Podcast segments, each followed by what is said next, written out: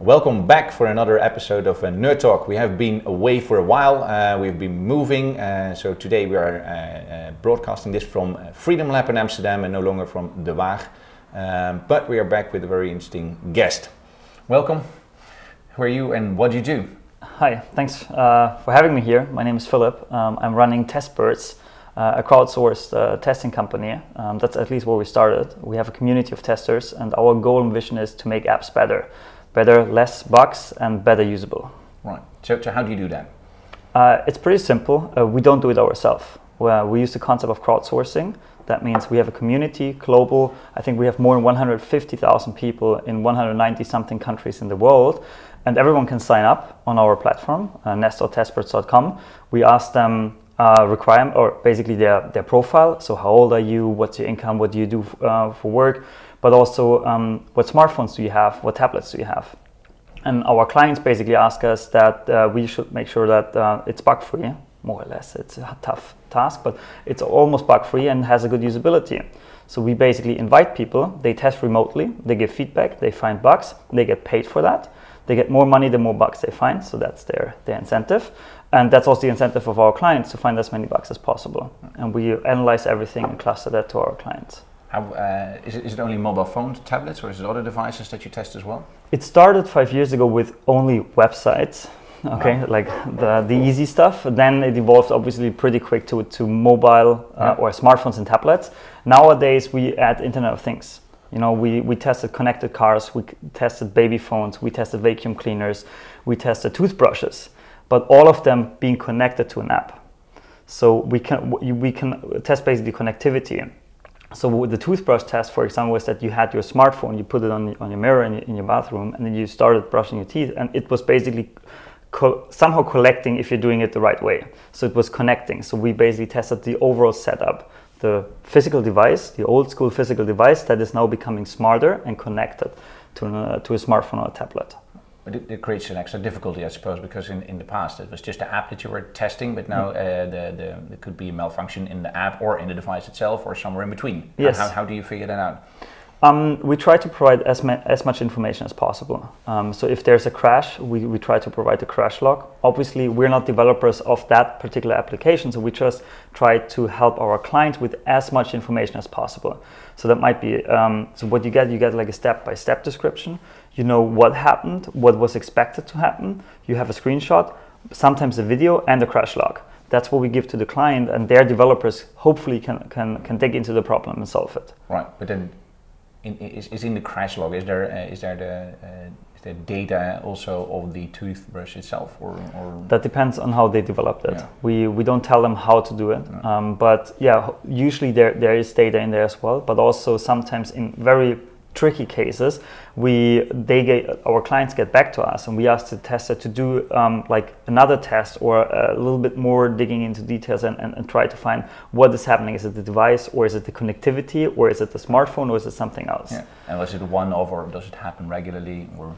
Um, I mean, we don't have to go back that often to our, to our testers because usually. Um, no, it's like more than if, if you have uh, the feedback from your customer that says, okay, uh, I suppose if the toothbrush didn't work for one time, then they say, okay, it's a glitch, uh, but if it happens 10 times or whatever. Yeah, it basically depends also on the occurrence. If it's once off, well, it's once yeah. off, it, yeah. whatever happens. Could be anything. Yeah, but if it's always, obviously the severity of a bug is then higher. Right. Yeah. Um, so that, that basically depends. But what makes it actually more complex is previously we could just distribute an app over the cloud and then testers could immediately start. Now we have to ship the physical device as well to the testers. So that the whole logistics part gets makes it a little bit more complex. Very, yeah. And they get the, the, toothbrush for free or for a minimum period of time, or yeah, it depends. Um, some products they can actually keep, which is nice. The, the, cars they have to return. Uh, yeah, the cars actually they we look for people with the right car configurations. So we ask for a specific brand, uh, a new model, basically. So we had all those requirements. So the car we couldn't ship, unfortunately, um, but vacuum cleaners and they're worth 800 to 1,000 euro each and we receive 100 of those and basically ship it to our cloud. You need a, new office uh, only ha- for, for all these. Yeah, yeah, it's not actually it's not a joke. We have a logistic room now uh, as well, where we basically receive all the boxes, we unpack them into smaller pieces, and then ship them to the testers. And how does it work? Do you also test them yourselves uh, at first, see how they connect, or? Um... Yeah, we have a let's say uh, a quick roundhouse check just to make sure it's, it's actually working. So um, well, how it works basically, we're not only just sending it to testers and tell them, hey, do something. Uh, in the first step, we sit down with the client and we write the test concept, and that's what we propose. So to write, to come up with the test concept, our people basically they look into it and they they test the app. They at least have a look that it's at least working and starting. Uh, we've seen apps that actually crash crashed automatically after one minute. So that was not ready to be tested, right? So we told the client, hey, I think you need to do a little bit more work here. And then uh, we, we postponed the launch at the start of the test, maybe for about two weeks. And now these days, my, my, my cell phone is updating all the apps basically every day. Uh, yeah. um, uh, that's quite hard to test. Yeah, so that's why we have a lot of uh, work to do. Um, also for our clients, it's not that it's a once-off thing. Like once the toothbrush is up and running and we test it once, it's not that that's it. And then they're safe because we're all in an agile world. We have updates weekly daily whatsoever. So they're frequent tests basically for those products um, alongside because you, you change something you might um, yeah there might be a bug in another area. So you need to make sure that it's really up and running. And we're also in an age where there's a lot of uh, big data artificial intelligence etc etc um, before they send out an, uh, an update on their app do they contact you? And do they say okay maybe we should test it with a few people first, or maybe you have some suggestions of software that can test the app already before we launch it? Yeah. Hopefully, yes. That's that's the aim of the company, and it really depends. We're not. We don't only want to come in when you're ready and you're just about to launch, right? That is important that you have. Uh, uh, we call it a bugability test. That's a functional test on bug side and a usability on the usability side, basically, just to show any road blockers, red flags in functionality or usability. But I mean, if we then figure out that actually no one wants to use this app because the use case is completely off, then we should have been testing in the concept phase where you haven't spent any time, any money on basically developing the app. So where we want to basically come in with our clients very early. You have a concept, you have an idea before actually starting with anything, ask someone. That's what everyone's telling you. Get user feedback, and we can accommodate that as well. But it's very difficult. But usually these companies are not structured like that. They have an idea and they do a lot of brainstorms and brown paper session and everything, and then they, they have a lot of money yeah. spent on research and everything, yeah. and they spend a lot of money on, on, on developing the app, and then they uh, um, maybe they test it a little bit, but then they launch it, and then they get the feedback. Yeah. So how, how do you educate your customers? How do you get because it, it's already difficult to get customers, I suppose. I mean, it's not easy yeah. to get these corporates to do business with you, but how do you educate them? I think it's driven by cases. We can basically show what we've been doing with other customers before. And to be honest, those companies are changing. It takes them to change. It takes time to change from like this old waterfall model, as you described. We go research, we spend millions here, then we develop, and then hopefully someone is like is like likes what we're doing two years later. The world is changing. Everyone's talking about we need to move faster, we need to have scrum teams, we need to be agile, and all of the, those things. Rapid prototyping is another buzzword. Um, so also the big corporates are changing. It just takes them a little longer than the smaller, the small and medium companies, but they are changing, and I think we can help them to show them, hey, this is you don't have to invest a million to work with us, right? You can start really, really small, real quick, and if you want actually like tomorrow or next week, that's the speed that we can bring basically into this partnership. And once they've done it once with us, they see, they've suddenly then realized, okay, I can use it here and there and there maybe. And then the partnership grows. Does it also include um, already incorporating uh, your advice or, or, people that are testers with you mm. before they, uh, like in the development of the app? Yeah. So it's basically go through several stages. So one is the concept where you have just an idea, then you have a mock-up or prototype, which might be just some Scrabbles that we can again validate against your target audience.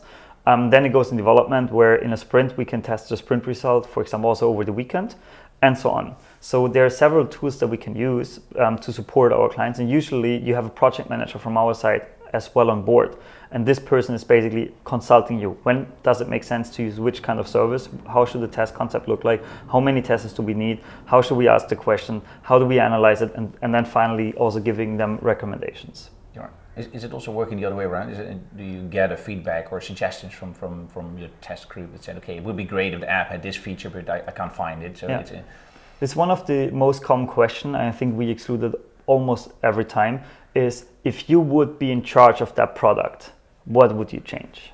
Yeah. Or what would you keep? That's also, by the way, a very powerful question. Not only ask what needs to be uh, improved, but also keep that what is really good. That's the core. Yeah. yeah. And that's that's one of the questions in any kind of usability study we usually add because that gives really really power um, to the to the results. Now you have a lot of testers, 150,000 in, yeah. uh, many many countries. How how do you uh, manage all the data coming from there? I mean, it's uh, we have a community team, or we call it crowd management team. Um, it's four people um, in our Munich uh, headquarter, and they are basically in charge for uh, recruiting and entertaining those people. So they recruit them based on what we see from our clients, where uh, where's demand. We have a higher demand nowadays from Africa, for example. Uh, two years ago, no one asked uh, for, for testers there, but as we're now growing global with our client base and they're also doing apps in Africa, so we, we're moving the focus on several regions and countries, several target audiences. I mean, IT students, we have enough in our system, but we want to have, because we're working for housewives. Housewives, for examples, and uh, I always refer to my mother. She also is part of our community because she gives value, valuable feedback for apps that she's using actually. And if I would give that feedback to an app that she's using, that would be completely different. But I'm not the target audience because I'm not using it. So you, you should ask, for example, my, mom, my mom to do so. You already knew your mom. How do you get to all the other mothers? That's that's the tricky part, and that's basically what that team is, is all about to do. Um, so it goes. You can go social media, obviously. You can go blogs, obviously. But will you find my mom there? Not sure. So you even have to go offline sometimes yeah, to promote so basically. you have all these testers and they provide you with a lot of intel. There mm-hmm. must be tons of data coming in, uh, all these test results and test reports from people. How, do you make a report out of that to your customer? So um, it's not that we have like thousand people testing one website or one application. Um, it's more or less between 20 and 50 on, uh, on average. So it's qualitative feedback. We're not only doing a star rating, yeah, like this four stars and that's it, and then you have an average and then you have your distribution. It's more actually what we try to answer is the why question. Why did you give four stars? Why did you give only two stars? What needs to happen in order to improve that? So it's a qualitative uh, analysis, um, which is pre-analyzed by the system, and then you'll need people. Basically, you need UX experts, and that's the, these are the people that we have on the team. What gets really complex actually is to find the people for each project. So let's say we only need 30 people, but we have 150,000. So how do you find the right 30 people? So what happens basically in our system, we set constraints. So we tell the system we, ne- we need males and females, that age group, in that country, with those hobbies, and other 60 criteria that you can filter, having an iPhone 7 with iOS 10 or an Android whatsoever. Okay, and that's what we can basically we can click that together, and then the system basically looks how many people we have. Let's say a thousand, but it still doesn't invite 1,000 because if I invite 1,000 and only 30 get a spot, the 970 are upset. So we basically have an algorithm that makes sure that we fill up the spaces or the slots that we have on time before the test start. That's a, that's let's say a little bit more complicated on the algorithm side. Well, sounds good. Um, yeah. Obviously, I tried to uh, to enroll in the in the program as well, and uh, yeah. I'm just wondering who is doing the, the, the design and the testing of the uh, uh the web page on my uh, uh, Samsung Galaxy S7 Edge. Yeah. Because I had some difficulties there. You had some difficulties. Yeah. So that's valuable feedback then. Yeah. yeah. Um, that's also, I mean, as I said, bug free doesn't yeah. exist. Um, not for us, not for anyone yeah. in the world. Um, so if you found a bug, um, I think that makes you a really good tester in our crowd. So I invite you to sign up sure. uh, on our that website. We're basically signing up. But uh, uh, do, do you test your own website and application as well? It's like uh, yes. eat your own dog food. Actually, with yeah, True, it is Food. It's um, we have a crowd, we have several crowd tests on not only the website but also on our Nest. That's the, the platform. Um, but the second part we haven't discussed it yet. Really, is what we also added uh, beginning of the year. Is also in testing really big is test automation, right? You have manual testers to, to cover like everything which you cannot automate, but you have also test automation. So we're also running test automation on our on our platform, on our uh, website and our Nest, and that's actually the second part of the business that we're doing and that script that are uh, and you use pre-filled uh, uh, yeah. data to, to yeah. go to a web form or anything. Yeah. Um, it's scripted data, and what we provide here is not only scripting that data because we have experts in the crowd and they can script those scripts, but we also have the environments in the cloud. So we have actually two components, and the cloud uh, gives you basically any virtual machine or emulated device for smartphone and tablets. I've heard that before, but does it really work? I mean, can you really emulate all these uh, varieties in the cloud? Uh, it's quite good. It's an emulator, so we all know the, the downsides. You don't have the uh, you don't have all the sensors, for example, in an emulated device, right? But at least you can see the, the screen issue that you just recommended or that you just mentioned on a Samsung something that you would would have um, been observing there as well. So there isn't a truth between it's only automation or only crowd testing or only internal. It's a mixture of all of that. I recently saw a brilliant um, uh, uh, video for the introduction of a new software from Viv Labs. Mm-hmm. I don't know if you heard about it. They talk about, um, I think they used to be the developers of Siri, uh, and mm-hmm. now they moved on and they've just been sold to Samsung actually. And um, they have what they call uh, conversational commerce. And mm-hmm. so they say things is, are going to be voice based. Yeah. Um, but uh, if they're voice based, uh, nobody is going to, not every app developer is going to develop its own uh, uh, voice interface. Yeah. So what you need is, is one voice interface that controls all the apps. Yeah. So they did great, great demos you, using data that's on your phone, uh, knowledge they had about you, and using various apps. Yeah. Uh, and you saw a script just basically real time written on the screen as it happens. So how would that involve your business? Because that would make a lot of apps or the experience in the apps more or less obsolete. Um, more or less true. Um, actually, it is also a big topic with a Testbirds voice testing. Um, the key challenge right now is really understanding and really under- not only transcribing, but understanding what the tester wants. And it doesn't matter which technology you look at, if it's Siri, if it's Google, we're not there yet. So we'll still need a lot of input basically that those intelligent machines become smarter and learn basically any kind of accent, any kind of language and so on. So I see the same thing. It will be more voice driven. We had also, um, at least in Germany, this Amazon something box being launched that I can place anywhere, and, and it Alexa, also li- I think, uh, yeah, yeah, and it, it, listens basically and, yeah. and does uh, does things for me. Um, I heard and I tried, for example, with my Siri, it is still quite limited what I can do with her. She, I think, 50% of my queries end up, sorry, I can't, I didn't understand you. I look in the web for you. Yeah. And then, yeah, thanks. That's not then what I, you want to hear. No, and no. then I go on my, and then I still have to do manually. Yeah. yeah. So but yes, it's a phase, obviously, because you see it improving uh, uh, yes. year on year. And I see I, this will improve definitely. Um, it might take a year or two or five, we don't know, but this will improve. But still, you you still have this usability um, component to it, right? So it's not only if I touch it, then I control it with my voice, but still is it the, the I still have a process. I still have a user flow basically through that the the app or the voice will lead me, and that is the, actually the same the same question. So is is the checkout pro- like how will I shop on Amazon? Will I just tell my hey phone please get me whatever? And then how will that phone respond? Will it ask me, how many questions will it ask me? What's the quantity? Is the price okay? Should I get the cheapest one? When do you need to look? Like there are many, many questions throughout the checkout process that no one actually knows what we want. So basically you're going to test dialogues because that is what it, what yeah. it is. yeah. It, now it's also dialogue. It's just right. touch based and then it's voice, yeah. voice based dialogue. Right. Interesting. Is, is there any other new technology that you see happening that could impact your business or that you'd like to, to involve in your business? Um, Yes, and that's what I what I briefly mentioned with test automation. Um, so when the company is five years old now, and we started purely with crowd, and uh, we always were driven by customer feedback actually. So when we started, we had one simple test, which was find bugs. That's it, right? Simple. We had no final report. We had no usability feedback. All of that basically evolved because client asked, "Hey, can you give us usability feedback as well?" We said, "Sure." Here's a new service called usability testing, and so the, the company evolved. Um, so one input is client-based, the other is market-driven, technology-driven. So what is a big thing is test automation. Um, the market uh, out there basically tells that test automation is driving the testing space. That is the key grow, uh, yeah, growth driver actually. Um, the second one is crowd, and the third is actually declining or is being stable. It's internal testing.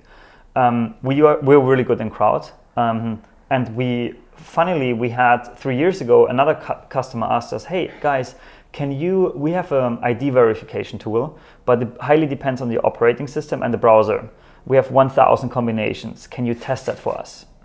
And if you're young in a startup, you say yes, we can, because you always say yes when a client asks you something. So we said yes, we can do that. Then we because we thought yeah we have 20,000 testers back then, we might find 1,000 with different combinations. Truth is, we didn't because everyone's updating the, to the latest Chrome, to the latest Windows, to the latest Mac. So you always have the latest versions and maybe maybe a few older, but not the really old ones. No. Nobody's so, using Mosaic anymore. Yeah, not really. then we thought, okay, let's build a flexible system because we're, we're, IT people, we can do that. We just build a flexible system that builds all those systems together. And that is Test Chameleon nowadays, which is um, what I mentioned, a virtual machine generator, an emulated device generator in the cloud. And we started three years ago, and that is basically supporting and helping our clients running test automation. Um, and then we basically later we figured out internally this time that when we combine those two worlds, we have 150,000 testers, we have millions of combinations in the cloud. If we combine those two products, because they used to be separate, we can even we ha- even have leverage effects. So what we can do, for example, we can ask a tester to write the test automation script that the client will then execute in the cloud. Or last example, um, you have the Samsung issue, right? You reported to me uh, as as uh, testbirds, but my designer he doesn't have your phone, so he wants to reproduce that that issue, but he can't because the phone is not in our office. So there are a few options what he can do. Um, and the best option is he just clicks on your report because we know what device you reported on. He clicks on a button and we launch him that device in the cloud and he can retest your issue there. Right. So we're giving basically supporting tools to our clients. And how does it work? How, how, much time does it cost if there's a, a new device coming out uh, to, to put it as new Xiaomi uh, coming out? I, I, think I saw this morning. How, yeah. how much time does it take you to put it in, in, the, in the emulator? It depends on how quickly there is an emulator available and then we have to customize it uh, slightly. So it's basically in our backlog, and as soon as we see them, we prioritize which ones we add to the emulator. Right. To the emulators. Because uh, who, who, provides the emulator? You don't build it yourself, but that is uh, somebody else doing yeah. that. Yeah. So on iOS, we use the uh, the iOS emulator. On Android, to be honest, I don't know, but there might be an Android emulator. So what? There must be a lot of uh, Android emulators. Yeah. So I I, I can't tell you what mm. technology is behind that, but I just know that we need to touch it and change it slightly and then include it. Um, since you're a global company, you mm. must uh, also see uh, or, or encountered certain differences in cultures and everything. Because if you have one app from a global uh, yeah. Uh, customer that is testing it out in, in various countries, and yeah. you get various kinds of feedback. You do. You do. Can you, you have do. some examples on that? Yes. Um, a voice test just recently because we were talking yeah. about voices. Um, we had a test somewhere in Asia and somewhere in Europe. Uh, I don't know which country it was. Uh, it doesn't matter. Like an Asian country and the European country. And the way basically people start voice commands is completely different in those cultures. You know, someone says, I want like to do A, B, and C, and others are more direct and say, do A, B, and C, right? That's completely different, but it freaks out the, the system. Uh, I can't tell you who's who's the client, but this is completely different on the way we, we work and we, we use we use voice command, and that's the same actually. If you we had an app being tested in China and in Germany with the same UI, that mostly doesn't really work, right? The Chinese expect something different than we in Germany, for example. Right. Um, so yes, that is a, co- a core thing is localization, and it's not only translation, but also localized usability, localized UI um, is, a, is a really big topic. Are the customers that were surprised by the by the feedback that never thought about that is happening that are making various versions now on the yeah. uh, of the interface? It depends. Uh, some are surprised, some knew it and they just want us to prove it because they need it internally. That's also sometimes the case. Right. Um, yeah. Maybe another really interesting to make it even more complex is a VoIP um, provider, uh, voice over IP uh, phone calling, and what they want to, what they ask us to do is make sure that the connectivity from 53 countries to the other 53 countries are, are working. So we call we have 53 testers calling each other bi-weekly to make sure that it's up and running. That's interesting test. It's, yeah. it's, it's a different kind of test, but it's, it's different kind of test, but it's kind of how would you do that if you wouldn't have a crowd? you can hire you need 53 offices or something right and that is like uh, from whole management and organization this is kind of a nightmare for us it's like okay we set the requirements on the system people get invited still this is quite a lot of work from our side as well but it's still fa- it's very fast we recently uh, talked to, uh, to a company called uh, Braingineers and uh, mm-hmm. they do uh, some sort of usability testing or um, or lab testing, but they use um, a device that can measure your brain activity, so they can uh, find out uh, whether you're frustrated or uh, yeah. Uh, what your intentions are. Yeah. Is, is it something that you, you would consider to add as well? Yeah, as an, as an option, as an add-on, definitely. Um, we're we're basically not um, set with the tools that we use. We, we try to be as flexible as possible because we have clients using tool A, B, and C, others using another tool. Um, for we've never used something that is trying to read uh, your emotions yet, uh, but that's something really interesting and really important as well. I think so. I'm actually interested to to maybe just give it a try with one of our clients. Um, as I can give you another example, which is like heat mapping um, thing. We a client asked us if we can include a, a heat map tool, basically that they have nice Right. areas where people clicked and, and looked at. Uh, we also did that, and we just collected the data as well, looked at the data, and combined it with the the written feedback, the written qualitative feedback. Uh, so if you have another part which reads your emotions and your brain activity, that could be really interesting. You're located. Uh, your, your, your company is located in Germany. You have uh, offices in three, four countries. Yeah. Outside of that, uh, uh, and also businesses in other countries. How? Uh, what, what is your growth path? Where, where are you going? Yeah, so true. We, we started in Munich, where the headquarters. Uh, we have an office uh, here in Amsterdam with a team. We have one in London. We're building one in Stockholm. Uh, we have a franchise partner in Eastern Europe, in Hungary, uh, another one in Russia, and Moscow, and one in Italy.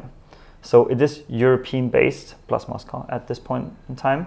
Um, our goal is basically to expand and to be local, be local to our clients because we're in a B2B and I strongly believe you need to be local to really sell and to deliver high quality and have a good client relationship. The community of testers is global. So as I mentioned, 53 countries, that is a global test that is running. Um, so the requests for testing are global. Our offices are local in Europe as of now clients still we have cli- we have tons of clients in the US as well because we meet them at the show where we, we get inbound through the website so we support them as well. Uh, but yet we don't have uh, an office over there. Yet. Yet. Next year. uh, that's actually we only plan towards the end of this year because this was a really challenging and interesting year. What happens next year is really I don't know to be honest. No. this is something uh, that, I, that we will plan with the team uh, by the end of the year yeah but it's obviously an option Right. So, so how, how are because it's there's a lot of debate, or there has been a lot of debate about uh, whether startups could could uh, emerge from Europe and whether they could be successful without going to uh, Mm. to Silicon Valley and everything. And and I don't think that. Uh, um, in Germany, there, there must be a lot of people that are still a little bit conservative when you start a startup company instead of working for a corporate company. So, how did it go in your uh, in your life? What did your mother say when you said, uh, "Mom, I'm not going to work for a consultancy company. I'm going to Yeah. start my startup"? Yeah, yeah, very good question. Um, first of all, I had I had support from mom and dad basically because they knew I'm not gonna work for a consulting company. Although my CV looks like uh, made for being hired by one of the consulting firms. Um, but the reason is personal. That is basically what what drives me, and um, I've realized that corporate world doesn't drive me if I'm part of that. Like working in that big organization, it's just not it's just not what I want. It's just not what what makes me happy. I tried six, seven internships, global, big companies, all different names, um, and I realized actually that's not what I want to do. Um, I had a, a small company which was a, a project in school, which became um, the best company in that project for um, Baden-Württemberg, which is a state in Germany, and there I, I was running the company with uh, 10 friends or so, uh, also crowdsourcing, I, IT support. So I realized that is that actually that that's good. That for that I could get up in the morning and I have fun doing that. So um, during university, I basically thought about how can I start a company, but just willing to start is not enough because you need the idea. So we tried to force an idea. Um, so was a few friends from university then. Uh, one is now also co-founder of Testbirds, and we brainstormed several ideas. We looked into, for example, mobile payment. We spent a lot of time on mobile payment, realizing, you know, you're just one small chain there, and there's like a lot of other stakeholders around that. And if one falls apart, then your your, your business model is gone. So you have too much uh, reliance on others. Um, yeah, and later we came up with crowdsourcing and testing. Um, it took us a week to think about that, to do like the primary, primarily uh, market research, and then we said, let's give it a go. Let's do it. Was, was, how did you come with uh, come up with the idea? Was it personal frustration or? Uh, uh, Um, several things. So we looked into crowdsourcing before um, because this was a trend, is still a trend. So we looked into crowdsourcing. I, I had some experience with that as well. Markus, the, the other, the third founder as well. Um, and then Georg and myself, we're both, we used to be developers. Uh, not the best, but we know how to code. Um, and used to be. You don't code anymore. You I don't do it. You don't touch it. None of us do it anymore, and that's good. Um, So yeah, we realized that okay, if we look in, let's look into IT. What's frustrating in IT? Testing. No one tests. No one wants to test. And if you have a plan for testing, usually that's eaten up by the delay of development. So hey, let's look something into testing. There was crowd on another piece of paper, and then we combined it. And then we thought this makes so much sense. Let's give it a try. And then you told your mom and dad they were uh, supporting you, but then you told your friends and, uh, and relatives and friends that, uh, from school or colleagues, whatever, and uh, they I said had, you're crazy. No, no one actually. No. No, actually, no one's no one ever told me I'm I, I shouldn't do that. I should. I, I'm not. I don't know why. I think people realized throughout the time from this first company in school, and I was a, a freelance developer myself as well. So that's how I financed university and school. Um, I think they everyone in my friends basically realized I'm not going to work for a corporate. Um, and because you asked me, I think that has changed now as well. It's not that conservative anymore. It still is, but um, back five years ago it was good. It's even better now. We have so many startups, and all the media around all the startups and how successful and how important it is um, has changed. Although I, I know if I talk privately with a few friends that they also, yeah, I would like to start something, but I don't want to take the risk. And I mean, that's fine. That's totally fine. Then, then just go that way that works for you best. For me, my, my estimation is always get up in the morning. Do you want to, do you, are you looking forward to go to work? Then you're doing the right thing. If you're not, then something needs to change.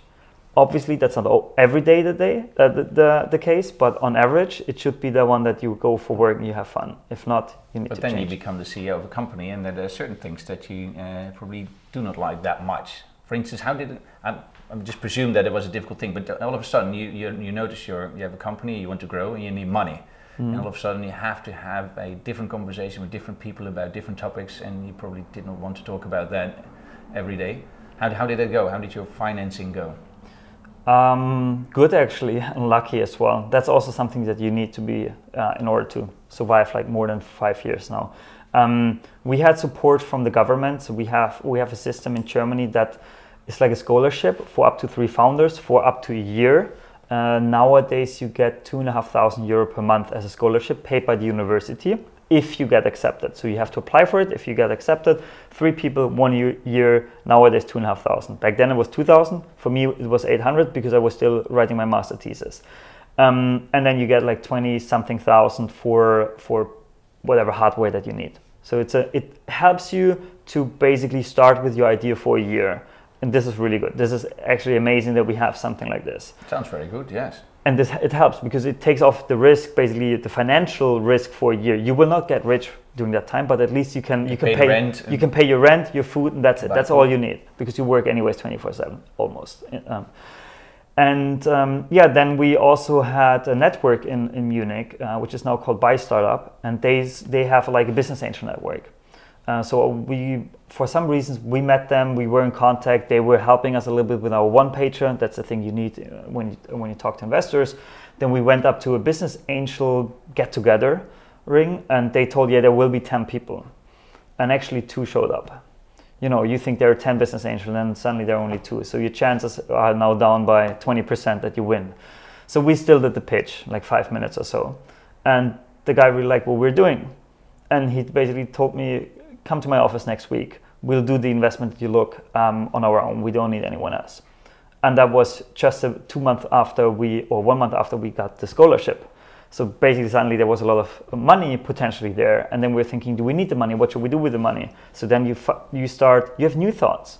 You start thinking, okay, now I have a mark, I have a proven market, I have a few clients, I, I might get money, I can grow. So what can we do there? So it's actually taking step by step and more or less reversed. I mean, uh, you didn't have the growth plans. You had uh, the money first, and then all of a sudden you had to think about yeah. how, how are we going to spend you, that in a, in, a, in, a, in a valuable way. In, in the beginning, it's all about selling. You need the market proof, right? You can have the best product, no sell, you worth you, you have no value, right? You need to prove your product on the market at the market as quickly as you can. We had our first client. So we started in October with end of October with the first idea. Our first client we had by Christmas. That's fast. Yeah, because we just we were sitting like this and we were pitching to someone and we yeah a little bit bold story. We told them yeah we have 25 uh, clients and we have a few hundred testers and so on. You, what you need to do sometimes, um, and then they said okay sounds good. Let's do it next week. We have had nothing. We haven't had any testers. We haven't had any system. We seriously we had nothing. Um, so yeah, all our friends from university they received an email and we told them, hey guys, you need to test and please send me an email if you find the bug and send me a screenshot. It's a nightmare to manage that. If yeah. your inbox goes in with bugs and nothing has a has a written format and, and everything. But we learn basically while delivering how our service needs to look like. And that is one key of our success so far. And then one customer turned into the other and one financing round turned into the to the other? Yeah yeah. You do i mean the financing is then a story okay we want to expand. We not only want to play it uh, germany we want to expand in europe. We want to um, invest also in technology like the test automation part then started back then as well. Uh, but for me personally my role completely changed over time multi- many many times. Um, i've been doing something different last year the year before and that year before I used to be the developer, so I built the first platform. Um, then we hired uh, Daniel, uh, our first developer, and I think it took him half a year or a year to tell me that I should stop developing. So I, I actually then stopped developing for good reasons, and I don't develop anymore. And now Georg is basically running uh, that technology team and the development team, and I'm, I'm completely out of, of that area although I was starting it back then. So your role now, Sometimes you're surprised by what you see and, uh, and what they have made. You you receive the biweekly release notes and you say nice, nice, and I don't have to do any like this is out of magic. control. This is yeah magic. This is how team works works then. And I think you're pretty. Uh, um, focused on team. You have uh, quite some mm-hmm. ideas on how, how to do that. You have like a regular one-on-ones and, uh, and things mm-hmm. like that. Uh, did you, did you develop some sort of a own methodology in that or ideas about that? Um, you improve over time. Obviously, no one's perfect, and you tr- you you start. I basically just start trying what I think is, is good, and then I, I try, and then I ask for feedback, and then I see how I can improve. Then obviously you also read by people who have a clue what they're doing. Um, and yeah, I figured out that one-on-ones is actually one of the most important thing as a manager. Although I don't like to be called like that, but as if you're if you're leading t- uh, people, then I think one-on-one is the most powerful institution that, that you have, and you should meet with everyone on your team that is directly in your team. From my point of view, weekly or bi-weekly, at least 30 minutes, and let them set the agenda. It's not a reporting meeting.